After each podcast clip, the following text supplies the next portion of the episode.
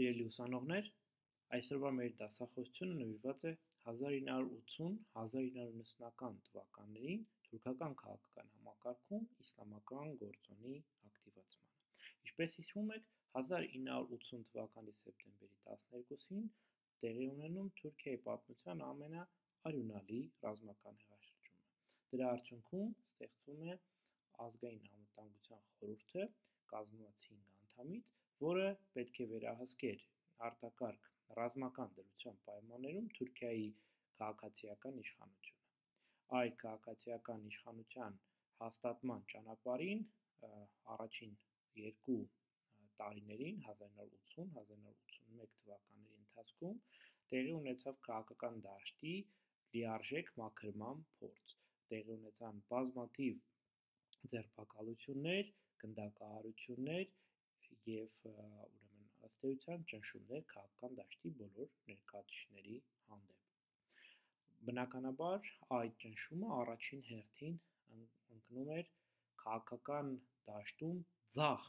գաղափարախոսական կողմնորոշում ունեցող քաղաքական միավորների վրա։ Այս հանգամանքը շատ կարևոր է հետագայում հասկանալու համար զինվորական ղեկավարության եւ դրա վերահսկողության տակ գտնվող քաղաքացիական իշխանության գործողությունները։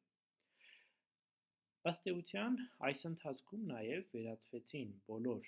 այլ գաղափարական կողմնորոշում ունեցող քաղաքական գործիչների, դադարեցվեց դրանց գործունեությունը, կասեցվեց խորհրդարանի գործունեությունը, քաղաքական կուսակցությունները, ինչպես նաև առևտրային միությունները եւս դադարեցին գործել։ Նոր սահմանադրությունը, որը հաստատվեց 1982 թվականի հանրաքվեի արդյունքում, ստեղծեց ել ավելի ուժեղ կենտրոնական իշխանություն։ Որպեսզի նվազեցներ ռազմական ղեկավարությունը փոքր կուսակցությունների ազդեցությունը քաղաքական կյանքի վրա, դրվեց 10%-անոց ընտրական շեմ։ Միայն այդ շեմը հաղթահարած քաղաքական միավորները իրավունք ունեին նվաճելու պատգամավորական տեղեր խորհրդարանում։ Քաղաքական կուսակցությունները, մամուլը եւ առևտրային միությունները, որոնք վերջին տարիներին բավական ազդեցիկ էին դարձել Թուրքիայի հասարակական ու քաղաքական կյանքում, ըստ էության հայտնվեցին իշխանության, այսինքն ռազմական իշխանության տոտալ վերահսկողության ներքո։ Նոր կուսակցությունները, որոնք ձևավորվեցին, դրանք բոլորովին հիմնված էին գոնե թղթի վրա, նոր հիմքերի վրա։ Եվ ըստ էության պետք է կապ չունենային մինչ հեղաշրջումը եղած քաղաքական հետ։ Սակայն ինչպես հասկանում ենք, իրականությունը մի փոքր այլ էր։ Նոր ստեղծված կենտրոնամետ աջակողմյան անավատան մայր հայրենիք կուսակցությունը ըստ էության իրենից ներկայացնում էր լիբերալ, սոցիալ-դեմոկրատական, ազգային եւ իսլամական խմբերի յուրահատուկ կոալիցիա, որը որ հաղթում է ընտրություններում 1983 թվականին։ Այսինքն մայր հայրենիք կուսակցությունը հնարավորինս լայն շրջանակներ էր ներառում իր ընտրազանգվածի մեջ։ Կուսակցության առաջնորդ Թուրգուտ Օզալը, ում մասին մենք արդեն հասցրել ենք խոսել մեր դասընթացների դասընթացի ընթացքում, հայտնվել էր յուրահատուկ իրավիճակում, որովհետև ուներ համբավ հաջող տնտեսագետի նախորդ կառավարության տնտեսական բարեփոխումների փաթեթը հենց նա էր հեղինակել եւ պետք է փորձեր հաջողությամբ իրականացներ նաև հետհեղաշրջումային տնտեսական իրավիճակի կայունացումը։ Եթե նայեք գից ներկայացված պրեզենտացիայի մեջ Թուրքիայի տնտեսության գրաֆիկին, աղյուսակին, ապա կտեսնեք, թե ինչպիսի բարձր տոկոսային աճ է գրանցել Թուրգուտ Օզալի կառավարությունը հատկապես առաջին 3 տարիներին։ Ուշադրություն դարձրեք 1983 թվականին, եթե տեսնում եք, ապա կարող եք ականատես լինել աճի տեմպերի, բավական մեծ տեմպերի։ Ինչևէ, վերադառնանք մեր դասախոսությանը եւ որպեսի հնարավոր լիներ քաղաքական ռազմական ղեկավարության կողմից անդիմանալ, հակառակվել եւ դիմադրել ցախակողմյան գաղափարախոսներին, որոնք շատ մեծ տարածում էին գտել երկրի հատկապես ծայրամասերում, իշխանությունը քաղաքական եւ ռազմական որոշում է կայացնում ըստ էության ստեղծել թուրք իսլամական սինտեզ։ Այս գործոնը, այս նախագիծը ավելի ճիշտ ձեզ ծանոթ է պատմության դասընթացից։ Մեզ մնում է տալ միայն դրա հիմնական բնորոշումը։ Այն է թուրք իսլամական սինթեզը իրենից ներկայացնում էր յուրահատուկ ազգայնական կրոնի մոդել։ Ուշադրություն դարձրեք այս հանգամանքին եւս, որովհետեւ մեր օրերում մենք գործ ունենք ազգայնական կրոնի մի այլ տիպի մոդելի հետ, որը որ խիստ գործազական է ժամանակակից քաղաքական համակարգում։ Այս գիտեք, որ այս մոդելը 1980-ականներին հայտնի է դառնում թուրք իսլամական սինթեզ անունով։ Ինչն էր թուրք իսլամական սինթեզի նպատակը առաջին հերթին զինվորական իշխանությունը նպատակ ուներ իսլամ իսլամի միջոցով դարձնել հասարակությունը ավելի համերաշխ, սոլիդար եւ դրա շնորհիվ փակել առաջացած մեծ ճեղքերը հասարակության ներսում։ Այսինքն իսլամը դիտարկվում էր որպես սոցիալական միավորման ուժ թուրքական հասարակության համար։ Եվ այն պետք է փոխարիներ ցախակողմյան այն գաղափարները, որոնք որ խիստ տարածված էին թուրք երիտասարդության շրջանում։ Քանի որ նորից եմ հիշեցնում, իսլամը իրենից ներկայացնում էր ընդգրկուն կրոնական մշակութային մի երևույթ, որը հնարավորություն էր տալիս հասարակության մեջ արկա սեպերը, ջրբաժանները հաղթահարել։ Իշխանության իշխանությունը, քաղաքական, քաղաքացիական իշխանությունը բնականաբար ռազմական ղեկավարության օժանդակությամբ խրախուսեց երկրում իսլամի տարածմանը կամ հանրայնացմանը նպաստող մի շարք նախագծեր։ Այստեղ ես ուզում եմ ուշադրություն դարձնենք մի քանի թվային ցուցիչների, որոնք կարծում եմ խիստ խոսուն են։ Ուշադրություն դարձրեք, խնդրում եմ գից ուրեմն պրեզենտացիային։ Եվ այսպես, եթե ուշադրություն դարձնեք գրաֆիկին կտեսնեք մի քանի ցուցանիշներ, սակայն մինչև բուն դրանց անցնելը մի քանի լրացուցիչ ցուցանիշներ, որոնք տեղ չեն գտել այդ գրաֆիկում։ Այսպես, զինվորականության օժանդակությամբ վերաբացվեցին եւ մեծացան այսպես կոչված Իմամ Հաթիբ դպրոցները։ Եթե նայենք առաջին 3 տարիների ցուցանիշներին 1983-1986 թվականին դրանց թիվը աճեց շուրջ 100-ով։ Սա բավական մեծ թիվ էր այդ ժամանակի համար։ Բնականաբար աճեց նաև այն աշակերտների թիվը, որոնք հաճախում էին Իմամ Հաթիբ դպրոցներ։ Եթե 1983 թվականին նրանց թիվը կազմում էր 270.000, 1986 թվականին թիվը կազմում էր 270.000, ապա պետք է նշել, որ դրանց 40, դրանցից 40.000-ը կին, այսինքն աղջիկ ուսանողներն էին։ Այս դպրոցների շրջանավարտները հիմնականում աշխատանք էին գտնում բացված հազարավոր մսկիթներում, որոնց հիմա կանդրադառնանք, որոնք փաստա որտեղ նրանք փաստացի դառնում էին վճարովի աշխատողներ։ Սակայն միևնույն ժամանակ հետաքրական է, որ երբ որ այս Իմամ Հաթիբ դպրոցի շրջանավարտները հանկարծ տեղավորվում էին աշխատանքի համալսարաններում կամ վարչակարգի, այսինքն բյուրոկրատական համակարգի որևէ տեղում, որևէ միավորում, ըստ էության ընկալում կար, որ նրանք վտանգում են երկրի աշխարհիկ հիմքերը եւ հետեւաբար ամեն կերպ փորձում էին տվյալ, այսպես ասած, ներթափանցած համակարգ ներթափանցած անցանկալի տարերին հեռացնել համակարգից, օրինակ մասնապես զինվորականները հրաժարվում էին ընդունել այս դպրոցի շրջանավարտներին զինված ուժեր եւ նրանք հանկարծ ովքեր որ հա, ինչ որ հաջողությամբ կարողացել էին սպրդել դեպի զինվորական համակարգ, շատ արագ համակարգային ձևով հեռացնում էին։ Բնականաբար այս առումով շատ մեծ դեր են խաղում նաև կրթական հաստատությունները, զինվորականների աչքերում գլխավոր մեղավորներից էին Թուրքիայում ցախակողմյան գաղափարախոսությունների տարածման ուրեմն առումով գլխավոր մեղավորներից էին համալսարանները եւ ասա էր պատճառը, որ նրանք որոշեցին, որ համալսարանները պետք է այս առումով փորձեն հնարավորինս զերծ մնալ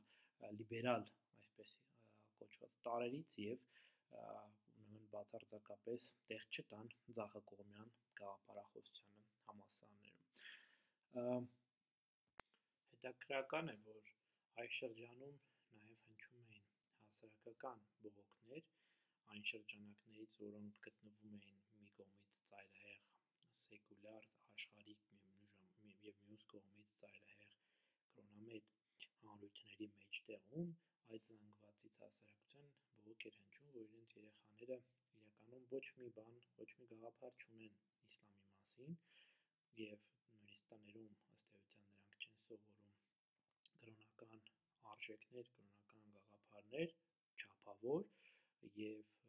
փաստորեն սա եւս լրացուցիչ խթան էր որպեսի կրոնը ավելի լայն տեղ զբաղեցնի նոր կրթական համակարգում համեմատության համար որոշ հեղինակներ օրինակ Ֆերոզ Ահմադը նշում է որ սա շատ նման էր այն իրավիճակին ինչ որ կար արևմուտքում օրինակ քրիստոնյա երեխաները Բրիտանիայում կամ Միացյալ Նահանգներում չէին չգիտեին ծանոթ չէին տերունական աղոթքին եւ ընդհանրապես քրիստոնեական արժեքներին մոտապես այդ նույն պատկերն էր նաեւ թուրք երեխաների մոտ որոնք որ դպրոցում ընդհանրապես չլինեին հնարավորություն իսլամին անդրադառնալու իսկ տներում եւս ինչ որ առումով վախվորած էին կամ լիարժեք չէին տիրապետում բացատրելու արժեքները մեկնելու աստորեն ծնողները հմտությանը հետեւաբար երեխաները հնարավորություն չունեին դա սովորելու օրինակ այս առիթով հետաքրական է որ ինքը Թուրգուտ Օզալը իր մի հարցազրույցներից մեկում խոստովանել է, որ սովորել է աղոթել միայն այն ժամանակ, երբ սկսել է Ստամբուլում հաճախել համալսարան։ Ահագե այս էր պատճառը, որ զինվորական ղեկավարության աչքերում դպրոցում կրոն սովորացնելը մոտապես այն նույն տեսքը պետք է ունենար, ինչ որ որ օրինակ պատմությունը, աշխարհագրությունը կամ մաթեմատիկայի դասավանդումը։ Այլ խոսքով ասած, զինվորական ղեկավարությունը ամեն ինչ անում էր, որպեսզի իսլամի միջոցով ապահովեր հանրային մոբիլիզացիա, հանրային միասնականություն եւ սոլիդարություն եւ այս ժառանգությունը վերցրեց ու զետեղեց իր կառավարության ծրագրում նաեւ Թուրգոտ Օզալը եւ Մայն հայրենիք կուսակցությունը։ Հետաքրական է նաեւ, որ ինքը Օզալը ոչ միայն ընդունեց այս իսլամական յուրահատուկ հակաթույնի գաղափարը ցախակողմյան գաղափարախոսությունների դեմ, բայց նաև հենց ինքը եւ իր շրջապատը մեծամասնությունը իր իրենք մեծ կապվածություն էին զգում իսլամական մշակույթի հետ, ուրեմն իրենց անձնական այսպես կապվածություն են զգում իսլամական մշակույթի հետ, համարելով որ իսկա, իսկապես երկրի քանի որ բնակչության մեծամասնությունը մուսուլման է, ապա իսլամը պետք է ունենա իր յուրահատուկ իսլամական տարրերը առնվազն պետք է ունենան իրենց յուրահատուկ տեղը երկրի կյանքում։ Ինչպես հավանաբար կռահում եք,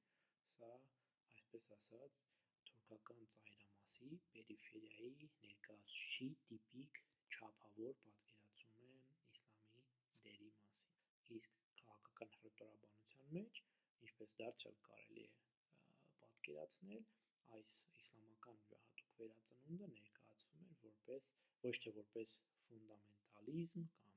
կամ ռեակցիայի իրթիջայի վերադարձ, այլ ներկայացնում էր որպես կրոնական գաղափարների, կրոնական մտքի ազատությունների հաստատում Թուրքիայում։ Միևնույն ժամանակ, ինչպես կարող եք կռահել, եթե կրոնական հաստատություններին, կրոնական միավորներին, կազմակերպություններին պետությունը սկսում է սատարել, դա եւս իր հերթին ստեղծում է որոշակի աշխատատեղեր, սոցիալական բարեկեցություն որոշակի զանգվածների համար, հետեւաբար նաև այս շրջանակների աջակցությունը կար ուրեմն քաղաքական տվյալ որոշումների։ Հիմա վերադառնանք բուն աղյուսակին եւ տեսնենք թե ուրեմն ինչ թվեր ենք մենք այստեղ ուրեմն ինչ թվեր այստեղ ունենք։ Ձախ կողմում աղյուսակի դուք տեսնում եք Թուրքիայի բնակչության թվականակը 1980, 85 եւ 90-ական թվականներին համապատասխանաբար սա բերված է որպեսզի դուք ավելի լավ պատկերացնեք թե ինչ համեմասնություն են կազմում մեր նշած այն թվերը, որոնք վերաբերում են կրոնական կյանքին։ Առաջին հերթին ուշադրություն դարձնենք կրոնական հարցերի տնօրինությանը։ Տեսեք 1979 թվականին այն ուներ ընդամենը 50000 աշխատակից։ Ընդամենը 10 տարում աշխատակիցների քանակը կարելի է ասել կրկնապատկվում է կամ առնվազն ավելանում է շուրջ 40%-ով։ Սա մեկ։ Այսինքն 89 թվականին արդեն կար շուրջ 85000 աշխատակից, որը հսկայական Մեծանում է նաև կրոնական հարցերի տնօրինության աշխատակիցների թիվը արտասահմանում։ Եթե 1980 թվականին ընդամենը 20 մարդ էր ներկայացնում տնօրինությունը տարբեր երկրամասերում, աշխարհամասերում, ապա 1989 թվականին նրանց թիվը հասնում էր շուրջ 630 հոգու։ Սա դարձյալ հսկայական թիվ է։ Պատկերացրեք, ըստ էության սա յուրահատուկ մի այլ արտաքին գործերի նախարարության կազմ է այս քանակը մարդկանց։ Բյուջեն 1989 թվականին այն արդեն հսկայական էր, կազմում էր 232 միլիարդ լիրա, սա 5 լիրայով է, որը շուրջ կազմում էր 115 միլիոն ԱՄՆ դոլար։ Անցնենք մսկիթների քանակին, կառուցված մսկիթների քանակը 1984 թվականին արդեն կազմում էր 54667, սա նախորդ տասնամյակներում գրանցված արդյունքներն էին, իսկ 1988 թվականին, այսինքն Օզալի կառավարության առաջին շրջանի վերջին 62947 մսկիթ էր, այսինքն տարեկան կառուցում էր շուրջ ուրեմն 1500 մսկիթ եւ եթե հաշվարկենք բնակչության քանակով, ապա դա մոտապես յուրաքանչյուր 860 բնակչին ընկնում էր մեկական մսկիթ։ Սա եւս հսկայական թիվ էր։ Մեծանում էր բնականաբար նաեւ Մեքքա ուխտագնացության մեկնողների, այսինքն հաջիների քանակը։ Եթե 1979 թվականին այդ թիվը կազմում էր 10800 մարդ, ապա 1988 թվականին այդ թիվը կազմում էր շուրջ 92000 մարդ, որը դու արդյոք տեսեք թե ինչ հսկայական աճ է։ Եվ վերջապես Ղուրանի ուսուցման դպրոցները, որոնք լայնորեն են ամբողջ երկրով մեկ, 1980 թվականին դրանց թիվը 2600-ն էր, որում ուսանում էր շուրջ 70000 աշակերտ, իսկ 1989 թվականին դրանք եւս ըստ էության կրկնապատկվում են 4700 Ղուրանի ուսուցման դպրոցներ են բացվում, որում ուսանում էր դարձյալ կրկնապատիկ ավելի շատ ուսանող, շուրջ 155000, որից մեկ, որի 1/3-ը կազմում էին աղջիկները։ Հետաքրական է, որ կրոնական այս լայնածավալ ալիքի ֆինանսական աղբյուրները եւս խիստ բազմազան էին։ Դրանք միայն բաղկացած չէին կամ կազմված չէին ավելի ճիշտ տեղական ռեսուրսներով, այլ նաև լայնորեն օգտվում էին արաբական եւ իսլամական արևելքի տրամադրած գումարներից։ Հայտնի է, որ կրոնական հարցերի օրինակ տնօրինության արտասահմանյան աշխատակիցների մի զգալի մասի աշխատավարձը վճարում էր Սաուդյան Արաբիայի կառավարությունը, որը փաստացի փորձում էր դրա միջոցով նաև իր պայքարը ծավալել իրանական ազդեցության դեմ արաբական, ընդհանրապես այսպես իսլամական աշխարհում։ Եթե հիշում եք, դրանից ընդամենը մի քանի տարի առաջ Իրանում տեղի ունեցել իսլամական հեղափոխություն, որը որ պետք է ըստ հեղափոխության հեղինակների Խոմեյնիի պետք է տարածվեր ամբողջ արևելքում եւ ասեն Սաուդյան Արաբիան արդեն մտել էր այս առումով հակամարտության մեջ ազդեցության վերաբաշխման համար։ Իհարկե կան որոշ ցախակողմյան վերլուծաբաններ, որոնք պնդում են, որ Սաուդյան կողմը մեծ դեր է խաղացել Թուրքիայում ընդհանրապես իսլամական վերածննդի համար, բայց մենք այս հարցում բավական զգուշավոր պետք է լինենք, որովհետև գիտենք, թե ինչ ճանապարհ է անցել իսլամական, այսպես ասած, ալիքը, մինչև որ լիարժեք վերածնունդ է ապրել։ Ինչևէ, Սաուդյան, ինչպես նաև իրանական գումարները եւ դրանց օգտագործումը ուղղված էին նաև որպեսի Թուրքիան, այսպես ասած, իր իսլամական երեսը ավելի պնդացնի եւ ավելի կարևոր օգտակար դեր խաղա Մերձավոր Արևելքում, Թուրքիան իր հերթին փորձում էր սա օգտագործել, որպեսի ավելի օրինակ մաչելի գներով ձեռք բերեր նավթային ռեսուրսներ, նավթային մթերքներ, իսկ տեղական շուկաներում արդեն մենք քննարկել ենք կարողանալ ուղղեր իր սեփական արտադրանքը։ Արդյունքում մենք գիտենք, որ բավական երկար ժամանակ աշխարհում, ընդհանրապես իսլամական աշխարհում Թուրքիան ակտիվ արտաքին քաղաքականություն էր, տնտեսական քաղաքականություն էր վարում, արդեն քննարկել ենք, սակայն երբ որ պարզվեց, որ այնքան էլ այս ամենը հաջող չէ եւ հնարավոր չէ ստանալ այն արդյունքը, որը ցանկանում էր թուրքական իշխանությունը 90-ականների սկզբից Թուրքիան նորից կարծես շրջադարձ կատարեց արաբական արևելքից եւ փորձեց օրինակ մտերմիկ հարաբերություններ նորից հաստատել Իսրայելի հետ եւ Իսրայելի հետ համատեղ աշխատել Մերձավոր Արևելյան բարդ ուրեմն աշխարհակաղակականության շրջանակներում սիրիական այդ ժամանակ խնդիրը կար, եթե հիշում եք, պաղեստինյան խնդիրներ նոր թափ ստացել,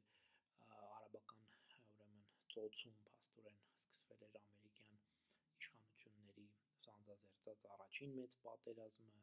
իրաքյան փոթորիկ անապատում ռազմական մեծ գործողությունը եւ այլն, այսինքն շատ բարդ շրջան էր եւ այս փուլում Թուրքիան կարծես յուրատեսակ շրջադարձ կատարեց դեպի Իսրայել։ Վերադառնալով ներքին քաղաքականությանը, պետք է ասենք, որ չնայած ռազմական իշխանությունները փորձում են ամեն կերպ վերահսկել այս իրենց իսկ փաստորեն կողմից խրախուսված իսլամական վերածնունդը, այնուամենայնիվ շատ լավ կարող եք պատկերացնել, որ որ իսլամը գտնում էր իսկապես շատ մեծ լայն շատ մեծ լայն արձագանք թուրքական հասարակության մեջ, այն աստիճանաբար դառնում էր անվերահսկելի եւ պատահական չէ, որ հենց փաստորեն իշխանությունների լիցենզիայով թույլատվությամբ աշխատող Օզալի կառավարությունը ամեն ինչ անում է, որպեսզի կրոնական ուրեմն գաղափարներ ունեցող մարդիկ աստիճանաբար տեր գրավեին պետական բյուրոկրատական համակարգում կամ նախարարություններում Օզալի ղեկավարությամբ եւ Անավաթան Փարտիզի Մայրենի կուսակցության ղեկավարությամբ Թուրքիան ապրեց մինչև 1991 թվականը։ Օզալի տնտեսական քաղաքականությունը հիմնված էր, ինչպես գիտեք, ազատ շուկայի սկզբունքների վրա, պետական վերահսկողությունը տնտեսությունից հեռացնելու սկզբունքի վրա, եթե հիշում եք Թուրքիան այս առումով էտատիզմին բավական մեծ տեղ հատկացրած պետություն էր, հատկապես հանրապետության վաղ շրջանում բազմաթիվ հաստատություններ, ձեռնարկություններ, հատկապես խոշոր արդյունաբերական ձեռնարկությունները գտնվում են պետական փաստորեն ձեռքերում եւ պետությունը միջամտում էր տնտեսական ուրեմն քաղաքականությանը եւ ոչ միայն փաստորեն կարգավորում էր, հաստատում էր այդ քաղաքականությունը սա զալի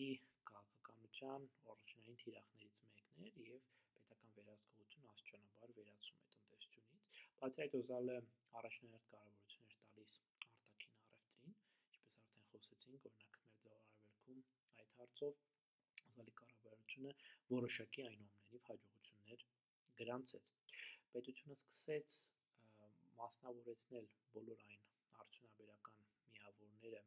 որոնք որ երկրի առանցքային միավորներն էին կազմում, առանցքային կառույցներն էին, հանեց բոլոր պրոտեկցիաները, այսինքն պետական վերահսկողությունը ըստ էության տնտեսական տարբեր մեծ ու փոքր միավորների վրայից եւ սա դարձավ փաստորեն նաեւ իր հասարակության հետ իր հարաբերությունների հիմքերից մեկը, նոր տիպի հարաբերություն, եթե նախկինում պետությունը փաստորեն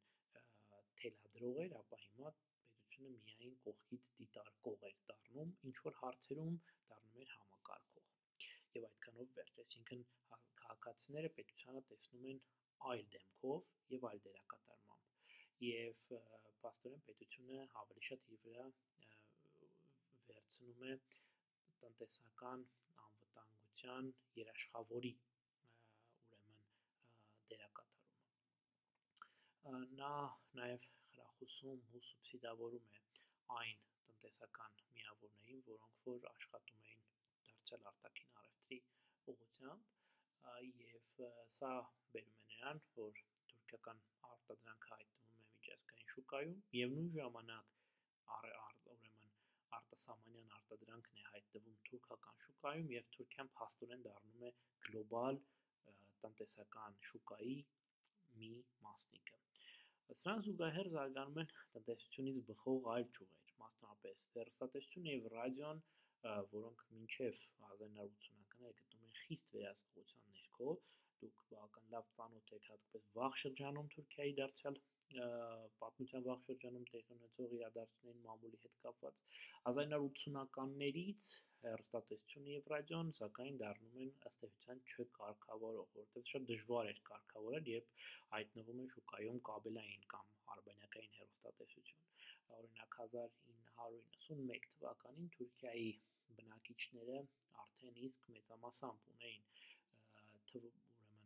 գունավոր հեռուստատություն ցույցներ շուրջ 90%-ի երկրի ողջ բնակչության, ինչը նշանակում էր, որ նրանք նաև ունեին արբանյակային ալիքներ եւ այս պայմաններում արդեն դժվար էր մրցակցել ուրեմն արբանյակային ալիքների կամ կաբելային հեռուստաընկերությունների հետ եւ փորձել նրանց տոտալ վերահսկման տակ պահել։ Այս շրջանում նաև մեծանում է տպագիր մամուլի ուրեմն տարածումը եւ ընդհանրապես հաղորդակցության այլ ձևերի տարածումը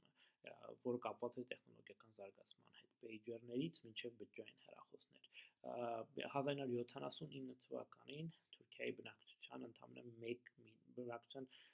պաստորեն մի շատ չնչին մասը ընդամենը 1 միլիոնը բաժանորդագրված է հեռախոսային ցանցին, այսինքն ըստ էության ուներ հեռախոս։ Մինչդեռ 1989 թվականին թիվը հասավ 6 միլիոնի։ Սա դեռ սովորական լարային հեռախոսների իսկ այն գյուղերի քանակը, որոնք որ կպած էին հերախոսային ցանցին 1979 թվականին կազմում էին 6000 հա քանակը իսկ 30 1989 թվականին այդ թիվը հասավ մինչև 38000 այսինքն Թուրքիայի արդեն տարածքի մի զգալի մասը կպած էր հերախոսային ցանցին, որը դարձյալ ուժեղացնում էր հաղորդակցությունը տարբեր բնակավայրերի միջև եւ բնականաբար նպաստում էր նաեւ գաղափարական առումով բոլորովին այլ իրավիճակի ստեղծմանը։ Էլ չենք խոսում, որ 90-ականներից աստիճանաբար տարածվում են բջջային հեռախոսները, շատ ավելի վաղ, քան օրինակ դրանք տարածվում էին տարածվեցին Հայաստանում խորհրդային միության փլուզումից հետո եւ դրանք ել ավելի մեծացրեցին փաստորեն հաղորդակցության ալիքների բազմազանությունը Թուրքիայում։ 1987 թվականից հետո եթե նորից վերադառնանք այն մեր առաջին ուրեմն աղյուսակին Թուրքիայի տնտեսական պատկերը ներկայացնող, ապա կտեսնեք այսպես որոշակի փոփոխություն։ Հիմա բացատրեմ թե այդ փոփոխությունը որտեղից է գալիս եւ ինչպես է այն ազդում քաղաքական գաղափարախոսական դաշտի վրա։ Ուրեմն 87 թվականին ընդհանրապես ամբողջ աշխարհում տեղի ունեցած ռեցեսիայի արդյունքում եւ Թուրքիայում էլ տնտեսական բումին հաջորդող մեծացող բյուջեի դեֆիցիտի պայման տարիներում տնտեսական որոշակի անկում նկատվում եւ եթե նայեք աղյուսակը, ապա կտեսնեք, որ որ 80 ուրեմն 6 թվականից նկատվում է 87 թվականից 88 թվականին մենք տեսնում ենք օրինակ գործազրկության աճ 81% 87% նույնը նաև տեսնում ենք 92, 93 թվականներին եւ սրանք բավական այսպես խոսուն փաստեր են։ Նայեք նաև թե որքան է աճում GDP-ն, համախառն ներքին արդյունքը եւ կպատկերացնեք թե ուրեմն ինչ իրավիճակ էր տիրում տնտեսական համակարգում։ Տարբեր ուրեմն այս սրա պատճառով տարբեր փաստորեն համաշխարհային շուկայում տնտեսական ճգնաժամ վերում է Թուրքիայում տարբեր ոլորտներում ճգնաժամի, տնտեսական անկում, ինֆլյացիա եւ գործազրկության աճ։ Տարբեր սոցիալական խմբեր տարբեր կերպ են տուժում կամ ազդվում այս իրավիճակից, այսինքն այս տնտեսական անկումը տարբեր կերպ է ազդում տնտեսական տարբեր խմբերի վրա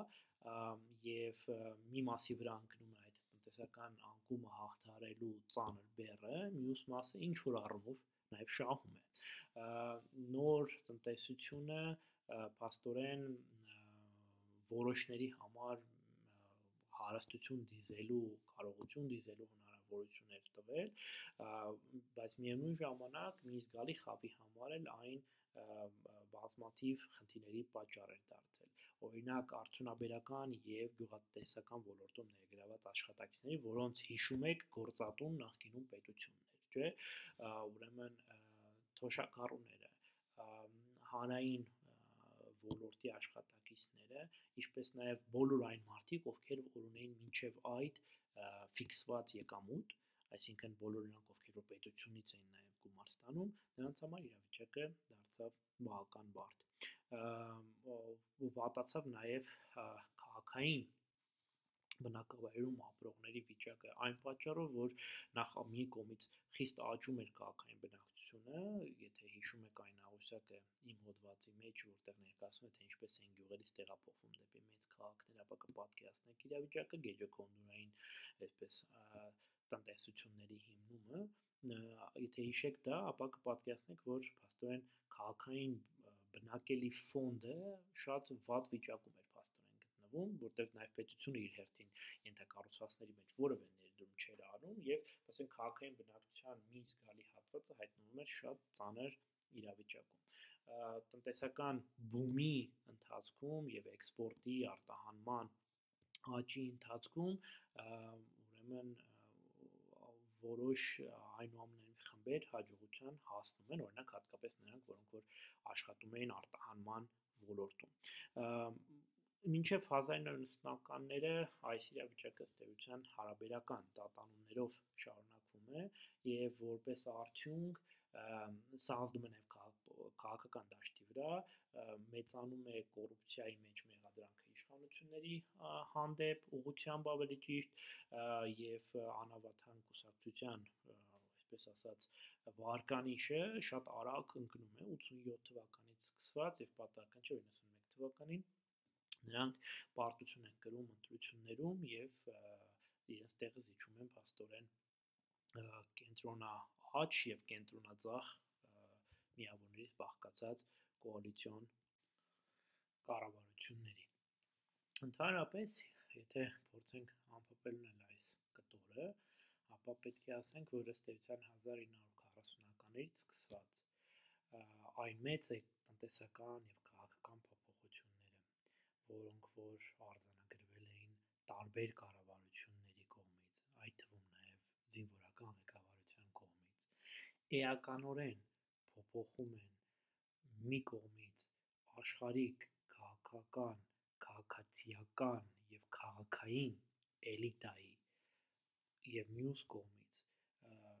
մշակութային, կրոնական, պահպանողական զանգվածների միջև ուժերի հարաբերակցությունը։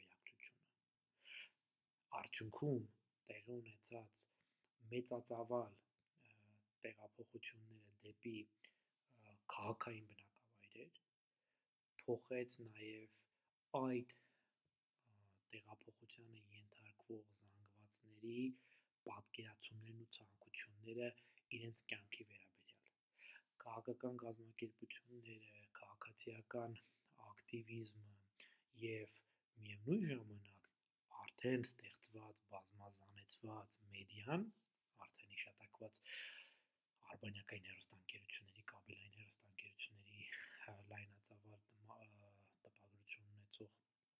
տարբեր ոճի ամսագրերի եւ այլնի շնորհիվ, թերթերի շնորհիվ փոխում են նաեւ քաղաքական գործիքակազմի բնույթը եւ այդ գործիքակազմը արդեն հասանելի է դառնում այս տեղափոխված գյուղերից քաղաք զանգվածին։